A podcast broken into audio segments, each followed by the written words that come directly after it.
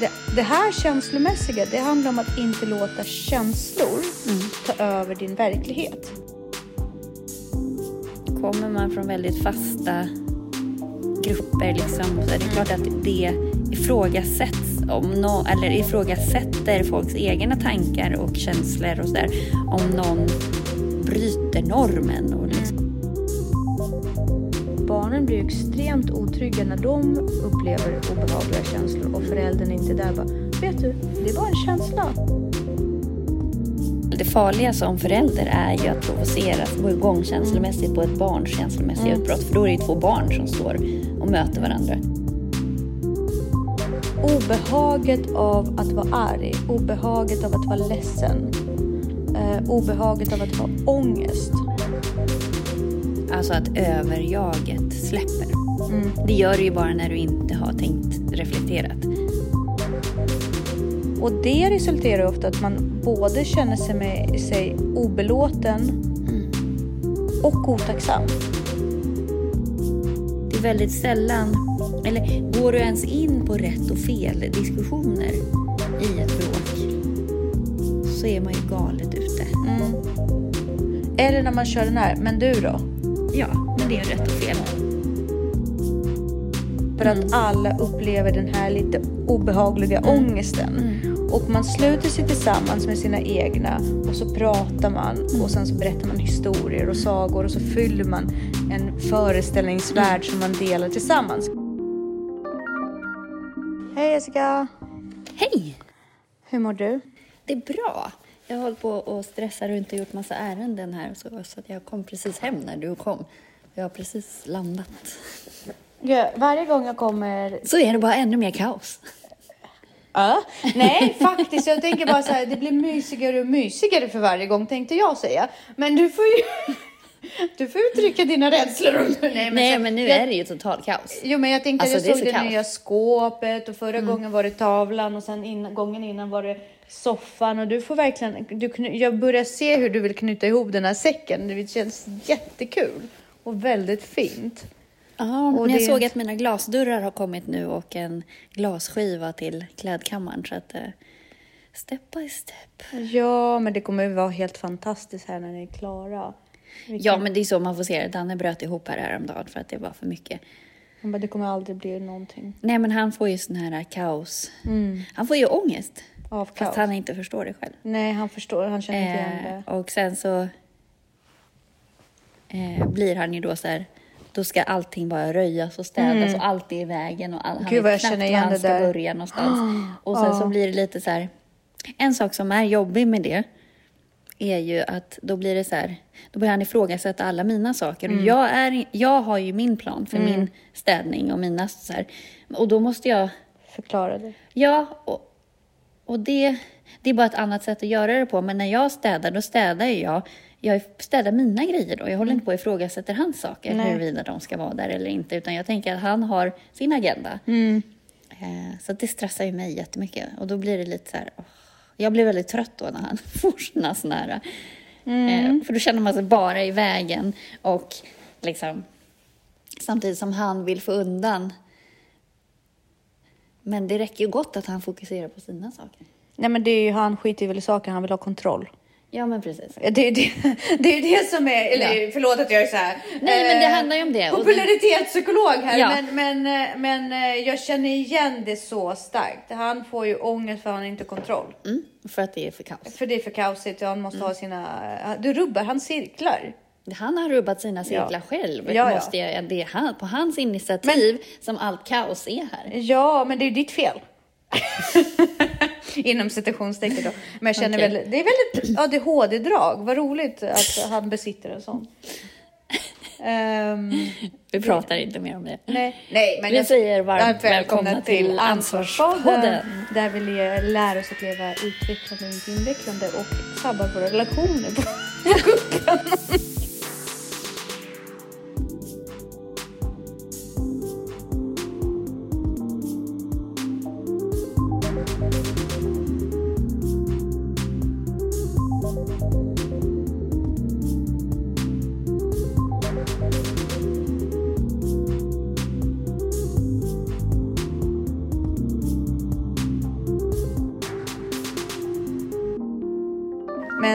Nej, men det är spännande för så gör jag också när jag känner att jag får å- krypande ångest och, och jag tappar kontroll över mina situationer. Då börjar jag ju röja.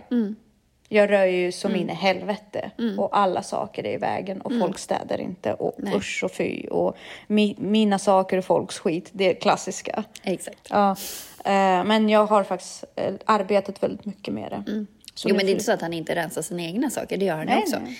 Men när jag ska där och då stå till svars för hur jag har tänkt med någonting så blir det stressar ju mig jättemycket. Mm. Och min spontana reaktion är att jag blir irriterad. Mm. Men det är inte det jag kan reagera på utan jag måste ju bara försöka lugna ner honom. Ja, det, så är det. Eller bara ha tillräckligt med utrymme att era förvaringsutrymme aldrig korsar varandra. Nej men precis, och förvaring är ju sånt som jag, det är prio för mig Mm, hela tiden. Eh, så. Plocka undan sin skit. Ja, men så Lådor. att man kan plocka undan sin skit. Mm, precis. Så tänker jag också. Jag har ju byggt Elisabeths rum på ett Mm. sätt då jag kan, när jag känner så här, nu blir det för mycket, jag bara stänger av allting, skjuter igen en dörr, Mm. en väggdörr och bara, nu är kaoset borta. Då lugnar jag mig i alla fall Mm. och sen kan jag eventuellt göra det, ta tag i det när jag är lugnare. Men jag har ju hittat så här strategier för mig själv i de här. Situationerna. Men det är lite det vi ska prata om idag. Det går ju lite in i det. Och jag går ju nu eh, en terapi som heter känslobaserad terapi. Och där har ju jag fått lära mig en jättespännande sak som jag har i alla fall fallit offer för väldigt många gånger. Det går ju in med det här med mindset väldigt mycket som vi pratade om förut. Men mindset handlar ju mer om det här logiska strukturen av tankarna, att bygga upp ett försvar mot, eh, mot en verklighet och bara köra på. Liksom logiskt. Nu ska jag göra det här, nu ska jag göra det här, nu ska jag göra det här. Det, det här känslomässiga, det handlar om att inte låta känslor ta över din verklighet. Så att i de här stunderna, till exempel när jag känner att allt kaosar och inget är kontrollerat. Förr i tiden, då hade det här tendensen att svepa över mig och spilla över till min upplevelse av hela mitt liv. Allt blev dåligt. Alltså, det kunde vara fläckar på kaklet som spillde över att jag är olycklig, miserabel, hela mitt liv går åt helvete. Och det här är en känsloskalv. Liksom. Många har, jag vet, jag vet inte hur män har med det, men jag vet att många kvinnor har det. För jag har pratat mycket med många kompisar och du har ju också känsloskalv, men du har ju väldigt absolut. bra koll på dem. Så. Men det här att inte låta en känsla i en given stund ta, rö- ta, svepa över hela verklighet och våga rida ut vågen och lära Precis. känna sig själv. Och det var ju det vi var inne på lite förra gången, eller förra, förra gången. Eh, att det är att känslorna, att det är inte alltid på riktigt, det är bara en känsla. Precis. Men tror du att folk generellt är väldigt medvetna om sin känsloliv? Nej. Visst är det så? Nej men det, alltså, det är väl klart att folk inte är det, för att då skulle man inte bete sig illa så ofta som folk ändå gör i känslans namn, eller vad man ska säga. Att, men jag var så arg, eller jag var så... Ja, fast... Alltså att överjaget släpper. Det gör det ju bara när du inte har tänkt reflekterat Precis. kring att du agerar på ett visst sätt. Okej att du gör det en gång för det kan överrumpla dig. Men då får man ju säga, okej var det där ett önskvärt beteende? Backa. Och, kolla liksom, vad gör jag nästa gång istället? Men är det här inkonsekventa beteende i samband med känslor, handlar det om att man inte förstår sin egen känsla? Ja, eller att man inte ens reflekterar över Att det bara att... är en känsla? Ja, eller att man bara, det, man bara är så. Alltså man tänker inte på att jag är i kontroll över mitt eget känsloliv. Eller y- yttringarna som den här känslan har. Ja, för där har vi också skillnaden mellan känsla och behov. För oftast är ju känslor uttryck för specifika behov. Så man, man reagerar för att man är arg. Och så blir man arg liksom, och, och agerar aggressivt kanske. Men man går inte tillbaka för att ifrågasätta behovet. Nej. Vad är det jag behöver? Vad är det som har triggat igång? precis. Så att man brukar istället för att bara gå in och bara, fast det är det här, vad jag, det här jag behöver bara vila. Så går man ut och attackerar. Ja, men jag tror att man kanske inte så ofta som man borde reflekterar över sitt eget beteende. Alltså man kanske inte ens ser att man har ett oönskat beteende för att det är så rättfärdigat för en själv. Att jag skäller ut dig för att jag var arg och då är det helt okej. Alltså det är, en, det är en godtagbar förklaring. Det är en helt störd förklaring. Alltså, Ja, men det är lite som att ja, jag hade skit och då delade jag med av min skit, men jag tar inget ansvar för det. Nej, men också så här, ja, du skällde ut någon för att du var arg. Men arg var ju bara yttringen. Vad var problemet? Vad var du arg för? Vad var lösningen? Och det är också det här så ofta som folk bara vill få ur sig. De vill egentligen inte lösa på ett problem utan de vill bara få ur sig att de är irriterade. Men det är först när vi vill lösa problemet och vill förstå varför vi agerar på ett visst sätt eller varför vi blev arga eller ledsna eller så. Och också vill ta tag i det. Att man säger, men jag vill lösa. Och ofta, om man gör det, om man går den här linan ut och reder ut sina känslor, så blir det också effekten av att man lär känna sina behov bättre. För allting bottnar ju i ett otillfredsställt behov i slutändan. Ja, men precis. Och sen så behöver det inte vara så freudian som att mm, mamma kramade mig inte på kvällarna eller jag fick alltid avsnäsning. Utan det kan ju vara väldigt, väldigt yttre, yt, yttre och väldigt nu. Det kan ju också handla om att du kanske bara inte behöver ta en danskurs just nu för att du har för mycket. Du kanske inte behöver prestera på den här middagen. Du kanske behöver säga nej till saker för det, det går inte ihop och du blir frustrerad för att du, du är pressad och du går in i jakttillstånd liksom och sen så reagerar du aggressivt och vill bara. Men också den andra grejen, när man är i den här, de här känsloskalvarna och allt det här mindfulness i det. Vi vill ju gärna plocka bort oss från smärtan.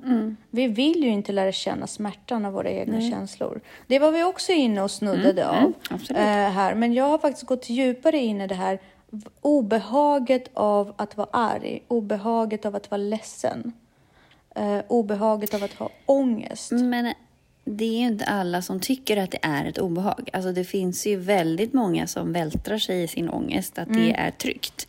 Eller söker upp konflikter för att man känner makt när man bråkar, till exempel. Det är ju många som tar på sig de här beteendena för att de blir trygga på något sätt, vilket är ju oturligt. Jo, men och, ja, precis. Och då är det också, då, då använder man ju känslan på helt fel sätt istället för att använda dem som markörer. Eller man utnyttjar inte markörerna för sina behov. Om du har en känsla av att du vill skapa konflikter eller du, du blir nöjd med konflikter, du vill ha dem för att få en känsla av makt. Vad är behovet? Är du förtryckt? Är, känner du dig ojämlik någon annan i din relation eller i dina relationer? Att gå till botten med det här. Men även att en känsla, om man bara då går över till det andra, kan en känsla bara vara en känsla?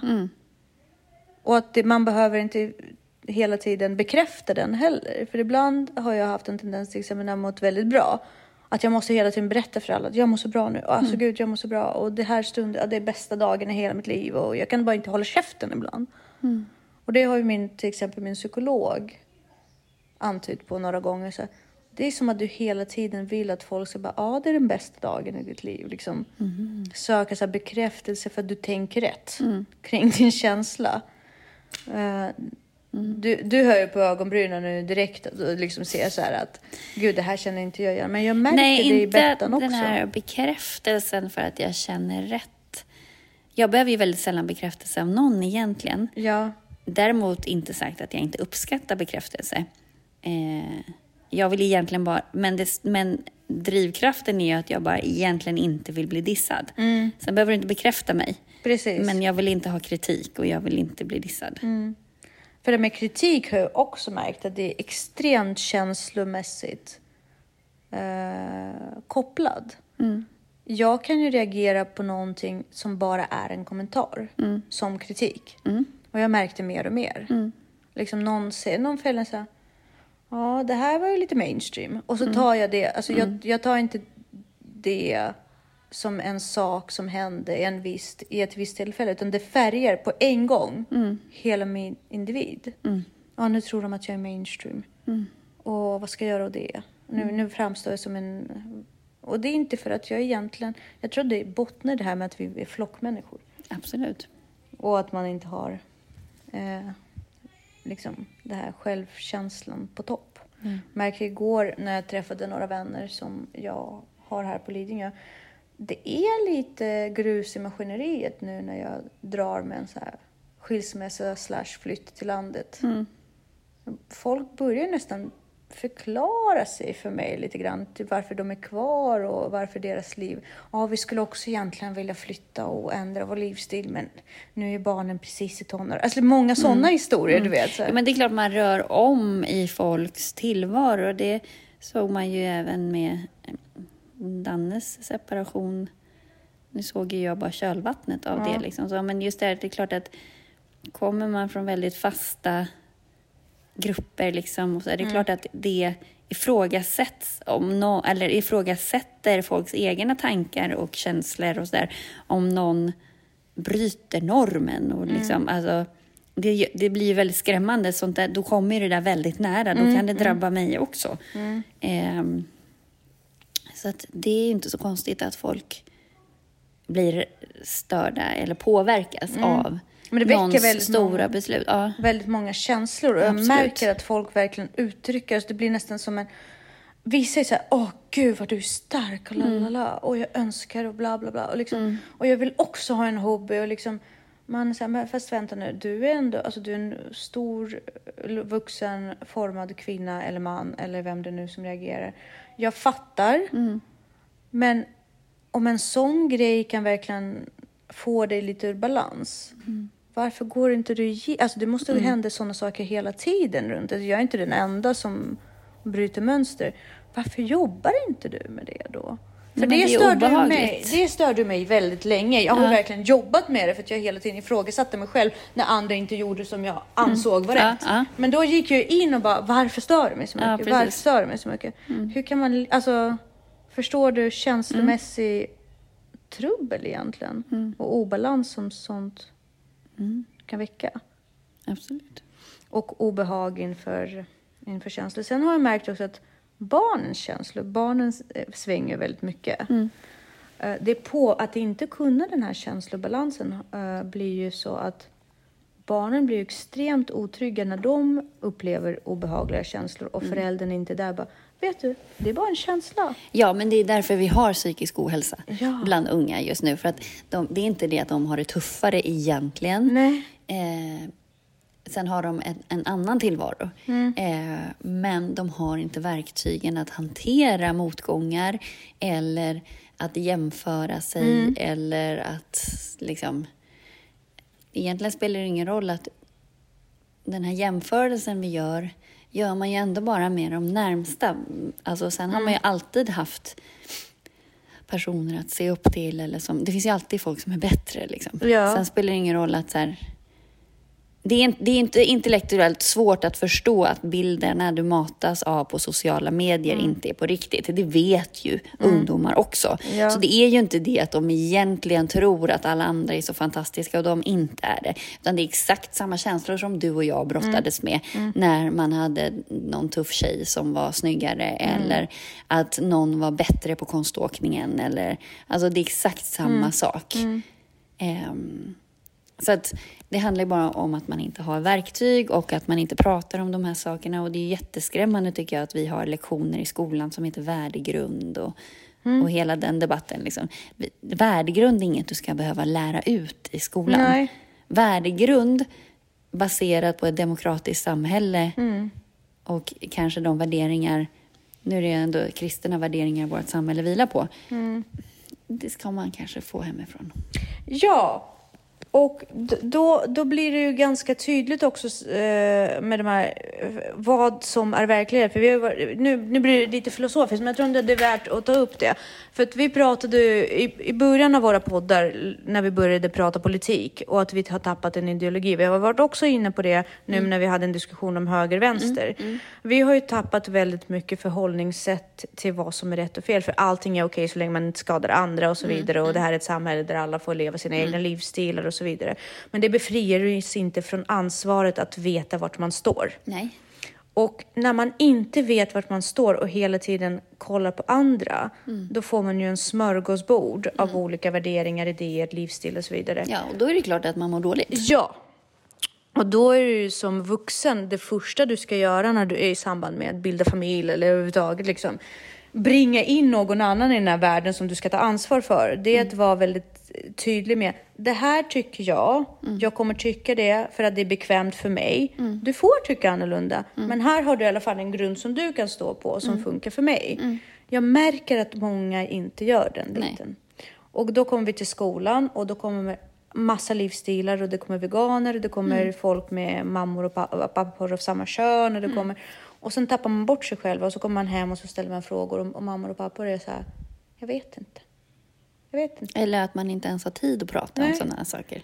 Och då möts Man man. har inte tid att prata överhuvudtaget. Det är samtalet är ju jätteviktigt. Ja, för att bara den tryggheten Mm. man får genom att bara känna att man knyter an till någon ger ju redan den här känslomässiga tryggheten att när det stormar då kan jag bara gå till mamma och prata. Jo, men jag tänker också så här, du behöver inte ens, du behöver ju inte ha det samtalet. Alltså, jag kan inte säga att jag gick till mina föräldrar och pratade när jag var yngre.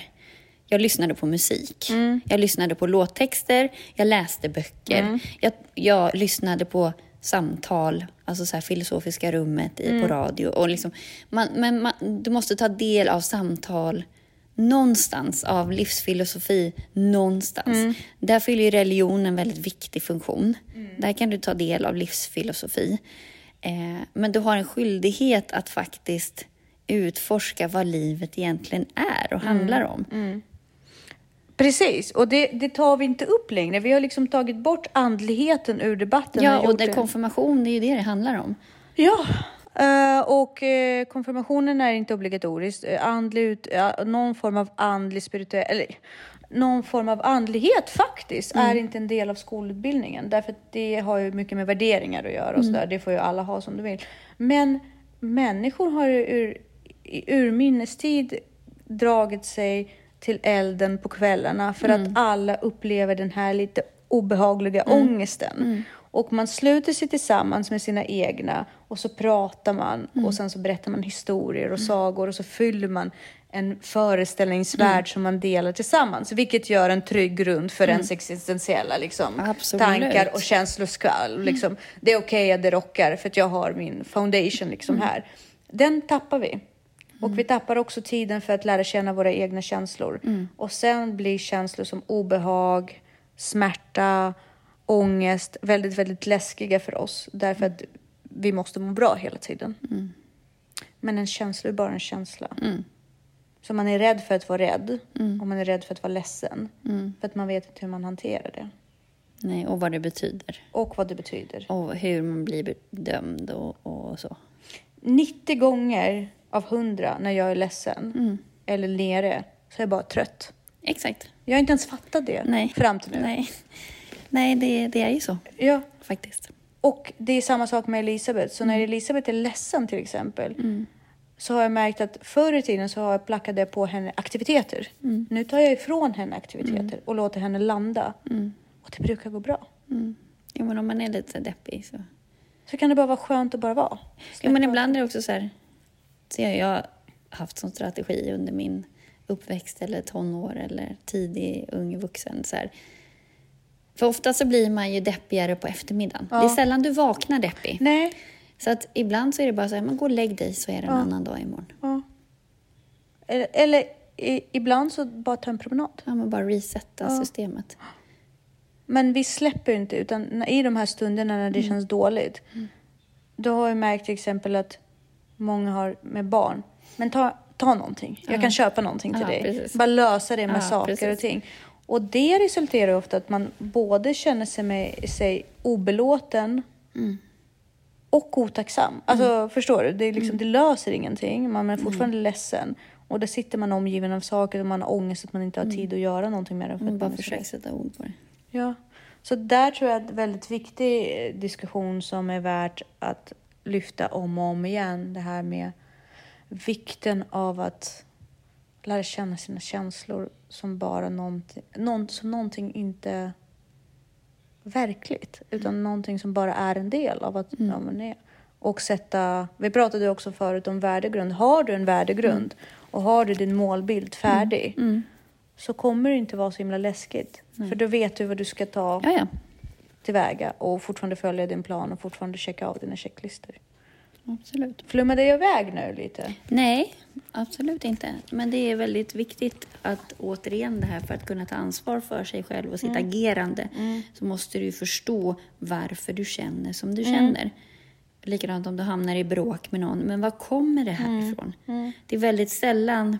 Eller går du ens in på rätt och fel diskussioner i ett bråk så är man ju galet ute. Eller när man kör den här, men du då? Ja, men det är ju rätt Man och fel. försvarar sig. Ja. Och ibland så kan det ju vara befogat att dra den, men inte på det sättet. För anledningen till att man säger det här, men du då, är väl i grunden att man försöker få den andra att förstå ens eget agerande. Alltså så här, men jag gör ju bara som du gjorde förut, och borde du förstå mig nu? Eh, så att, men om man uttrycker det så, men du då, du är ju inte så jävla mycket bättre. Då blir det ju, det triggar ju bara istället för att så här, men du har ju också gjort så här. Borde du förstå var jag kommer ifrån? Och inte bli irriterad. Eller kasta inte sten i glashus. Du kan ju aldrig kräva mer av någon annan än ditt eget lägsta. Nej. Så att det är väldigt provocerande då om du gör saker och sen inte lever upp till det och kritiserar andra för att de gör det. Då blir det ju väldigt frustrerat. Ja. Det finns ju en till nivå till det här som jag också tycker är väldigt obehagligt i relationer ibland. Det är när din partner är ledsen. Och det har vi också pratat om ganska mycket. När min partner har varit ledsen, då har jag tagit det extremt personligt. Den andras ledsamhet blev ju direkt en kritik mot mig. Och du sa, vadå, är inte livet med mig tillräckligt roligt? Har inte du tillräckligt bra? Har inte jag presterat tillräckligt bra för att du ska vara nöjd? Men du borde ju veta att man bara kan bli ledsen. Ja, jag vet. Och det är där, där det här med att växla tillbaka bara, men du kan ju vara ledsen ibland. Och bara tänka, tänka till. Men det har ju också att göra med att när man har dålig självkänsla, när man inte kan sitt egna känsloliv bra, när man inte vet vad man, ens behov är, hur man reagerar. Det blir inte självklart att andras beteende inte är mot dig. Nej, Nej men det måste man ju komma till freds med på något vis. Att det är väldigt sällan folks agerande överhuvudtaget beror på någon annan. Exakt. Det handlar ju om dem. Exakt. Sen så kanske någon, får stå i skottgluggen eller Mm. det tas ut på någon annan. Det handlar ju inte om den. Det handlar ju om den andra individens antingen bristande självbehärskning, eh, omognad eller att den bara är trött eller så. Jo, men i de här fallen när, när ens partner är ledsen, eller när ens barn är ledsen, att inte ta åt sig den här smärtan och låta den person, personen faktiskt rida ur den vågen, utan du behöver rädda dem. Ge dem chansen att lära känna sig själva och sitt eget djup. Vänta tills de kommer till dig, om de ens gör det. Och försök inte rädda. Det, den är svår. Jag tycker den är svår. Och ju närmare personen står dig, om det är ens barn eller ens partner, desto svårare blir det. Eh, I många fall har jag ju då ännu även haft sämre självkänsla för att nå, liksom Viktor har försökt rädda mig många gånger när jag varit nere. Och jag har inte kunnat prestera. För att jag lyckas. Och han sa, åh jag är så värdelös, du är verkligen olycklig med mig. Jag sa, nej jag är bara olycklig, kan du sluta göra det här? Fast då får man ju dåligt samvete också. Det här att låta varandra vara olyckliga utan att ta åt sig att det är ens eget fel. Jo, men för ens egen lycka handlar ju om en själv. Sen så kan ju folk bidra, men det handlar ju om sin egen förmåga att kunna ta emot saker som Mm. serveras en på något vis. Att man... Ingen annan kan ju göra dig lycklig. Sen kan ju folk underlätta för en. Eh, och ha ett beteende som är omtänksamt och gulligt och så. Vilket kanske påverkar att man blir, det blir lättare. Men lyckan kommer ju ändå bara inifrån. Alltså Ja. Den kommer ju med den här ovillkorliga kärleken. Precis, och, och liksom ovillkorlig kärlek är väl också att låta den personen känna alla, hela spektrumet ja. av känslor och ändå vara och trygg. inte ta åt sig i det. Ja, Alltså folk får skaffa sina egna problem och må dåligt över. De behöver inte ta över andras. Nej, men ja, precis. Och sen så kan det vara så att jag sitter och kanske blir, jag blir ju väldigt berörd när Elisabeth inte mår bra. Mm. Jo, men det blir ens barn. Och jag blir ju väldigt ledsen när hon till exempel har bråkat med sin kompis och har varit riktigt deppig. Men i det här måste jag ändå förankra mig till den vuxna personen bara. Mm. Det är en del av livet, men det är så extremt svårt. Det är så extremt svårt att höja... Ändå säga, jag förstår att det här är jobbigt för dig. Jag finns här. Det är okej att det är jobbigt. Det är liksom, lär känna den känslan, blir slutar den vara läskig. Mm. Har, har, du, har din, eh, din son är också extremt känslomässig. Mm. Han har också, jag vet att han brukar också gå in i utbrott där han hatar och uttrycker väldigt starka Mm. Men känslor. det blir bättre och bättre. Mm. Båda känner i och för sig. Den andra är mer introvert, eller liksom han, han pratar inte så mycket om det. Eh, Men Ludde är väldigt upp och ner. Mm. Och så. Men så får man, när han får sina starka uttryck, tricket är ju inte att gå igång på dem. Mm. Utan det här är ju bara hans sätt att uttrycka sig, bara att han uttrycker lite starkt. Mm. Vilket då, om man inte är en så stark person, uppfattar det som att det är jordens undergång. Exakt. Men det är inte det. Utan Nej. man får bara inte, behöver inte reagera, utan Nej. man kan avvakta fem Exakt. minuter och se vad som händer med det här. Ibland så är det ju en stor grej och då får man ju försöka lösa det, men ibland är det bara att och det kan ju bli väldigt, om det är något negativt så kan ju han uppfattas som ganska otrevlig. Liksom. Att man behöver inte säga rakt ut att man tyckte att någonting sög. Nej. Eh, Men man behöver inte gå igång på det heller. Man kan ju bara förklara att det där lät väldigt otrevligt. Ja. Bara, Men det suger ju. Ja. Ja, fast kom igen. Ja. Precis, gör en avvägning. Men det, de, det, är ju, det är det som är grejen. Förstår du vad... Jag, jag vet inte. Dina föräldrar verkade vara rätt trygga. Alltså när du växte upp känslomässigt. Mina rockade du med mig. När jag hade mina känsloskalv, då satte jag igång, med sina känsloskalv. Och det är inte för att de är liksom sämre eller bättre, det är för att de rockade med mig. Jo, och det, det- kändes extremt otryggt Ja, men det, liten, det kan jag farliga, ju säga. men det kan man känna själv. Det farliga som förälder är ju att provoceras, gå igång känslomässigt på ett barns känslomässiga Mm. utbrott. För då är det ju två barn som står och möter varandra. Exakt, om man bekräftar dens rädslor, om den är rädd för någonting. Ja, Så ja. man säger, och så blir ju barnet ännu mer Gud, jag skrämde ju upp Ludde här häromdagen. Vi åkte vattenskoter till mina föräldrar och det är typ en galen svan inne i kyrkviken som bara kommer och attackerar. Och jag är, jag är jätterädd för svanar. Alltså jag är verkligen, jag är fob, alltså jag får ju panik. Och Danne bara, lugna ner dig liksom. Men då lugnar jag ju ner mig då, men jag hade ju redan så här fått igång paniken. liksom. Så Ludde börjar gråta. Eh, men jag, jag, jag, bara, jag är jätte, jätteledsen, men, men det här är ju fobiskt. Mm. Alltså jag kan inte rå för det. Liksom, jag, jag, jag vet att jag överreagerar. Och jag, Men en svan? Som går till anfall, Ja. det är inte roligt. Nej, det är aldrig roligt att bli anfallen. Men jag, här, jag har verkligen svårt att se den svanens chanser mot dig. Vet du hur stora svanar är? vet du hur det- hårt de bits? Ja, jag vet. Du, den har rätt stora chanser. Nu, speciellt om så här, jag simmar ju inte i vattnet om jag vet att det är svanar i närheten. Då har man ju inte en suck. Alltså, vi människor har inte så mycket att sätta emot. En svan? Nej, men något djur egentligen i deras habitus. Nej, men jag tror fan att du skulle dräpa en svan utan att ens tänka på det. Nej. Ifall det skulle komma Nej, till det. nej. Ja, men förlåt, jag avbröt dig. för mig Jag är det som det här- kommer en boaorm liksom. Ja, Alltså, nej usch. är det läskigt? Ja, jag gillar, och svanar och ormar gillar jag inte. Nej. Annars är jag ganska... Men då var ju paniken igångsatt. Ja. Ja. Och jag har ju också så här, jag tappar ju lätt respekt för folk som inte har självbehärskning. Nej, jag med. Sen är paniken en annan, alltså fobi. Jo, fast det är ändå jobbigt. Jag tycker jag var jobbig. Alltså jag skäms ju för att jag var jobbig. Men det, det är för att då en labil pjäs Mm. i en situation, Ja, det går ju inte. det är så extremt påfrestande för mig för att jag måste ha kontroll Ja, över för då måste man hantera det också. Exakt, och man vet inte när det skjuter. Nej.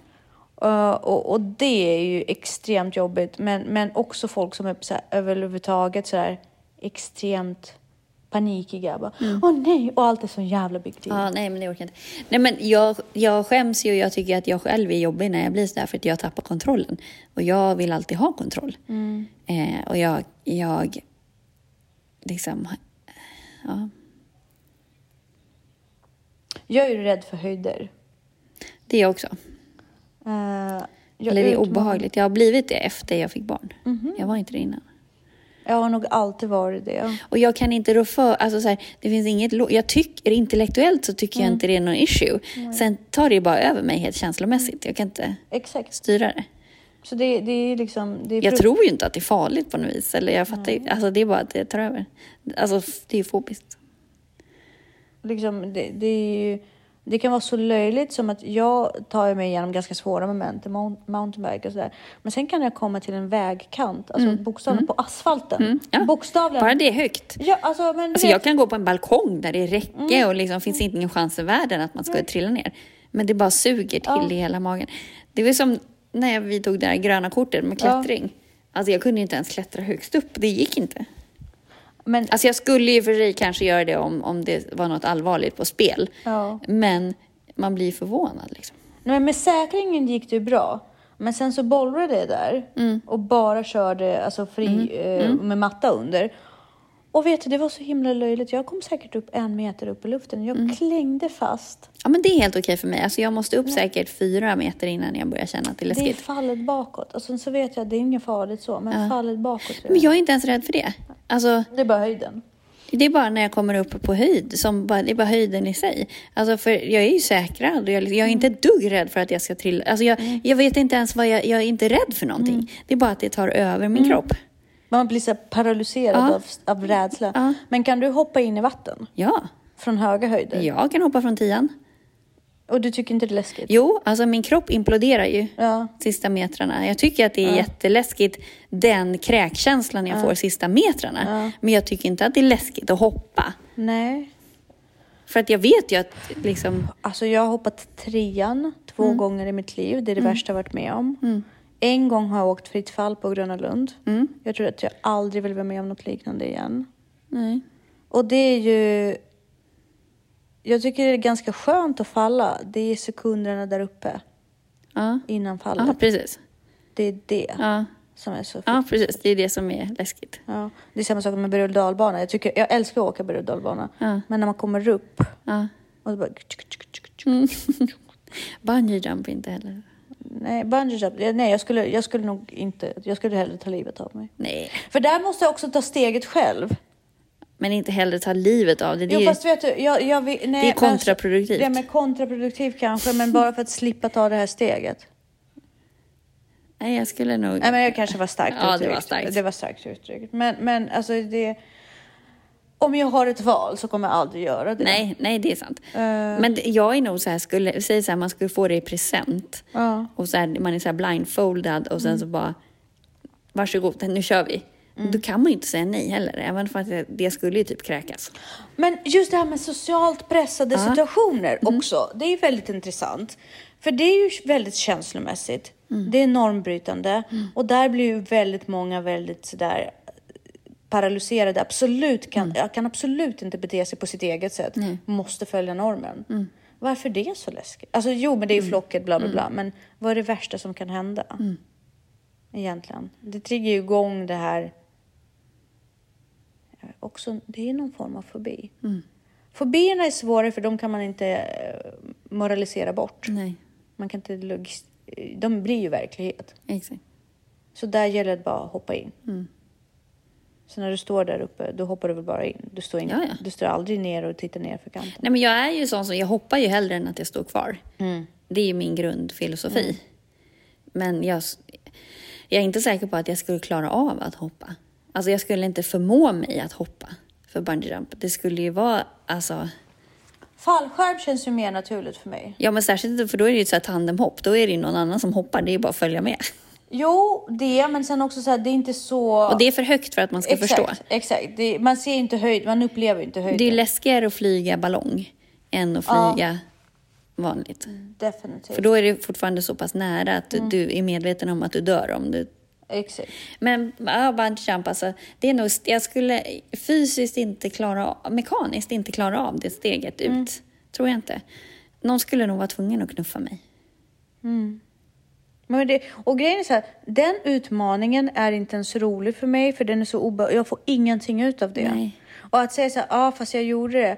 Det är inte värt för mig. Nej. Den, Nej. den lidelsen, som det skulle, ångesten som det skulle innebära för mig. Nej, men jag, jag ser inte vilken del av det. Då tror jag nog att fallskärm är najsare för att då har du ändå, du sitter fast i någonting. Och det är högre upp.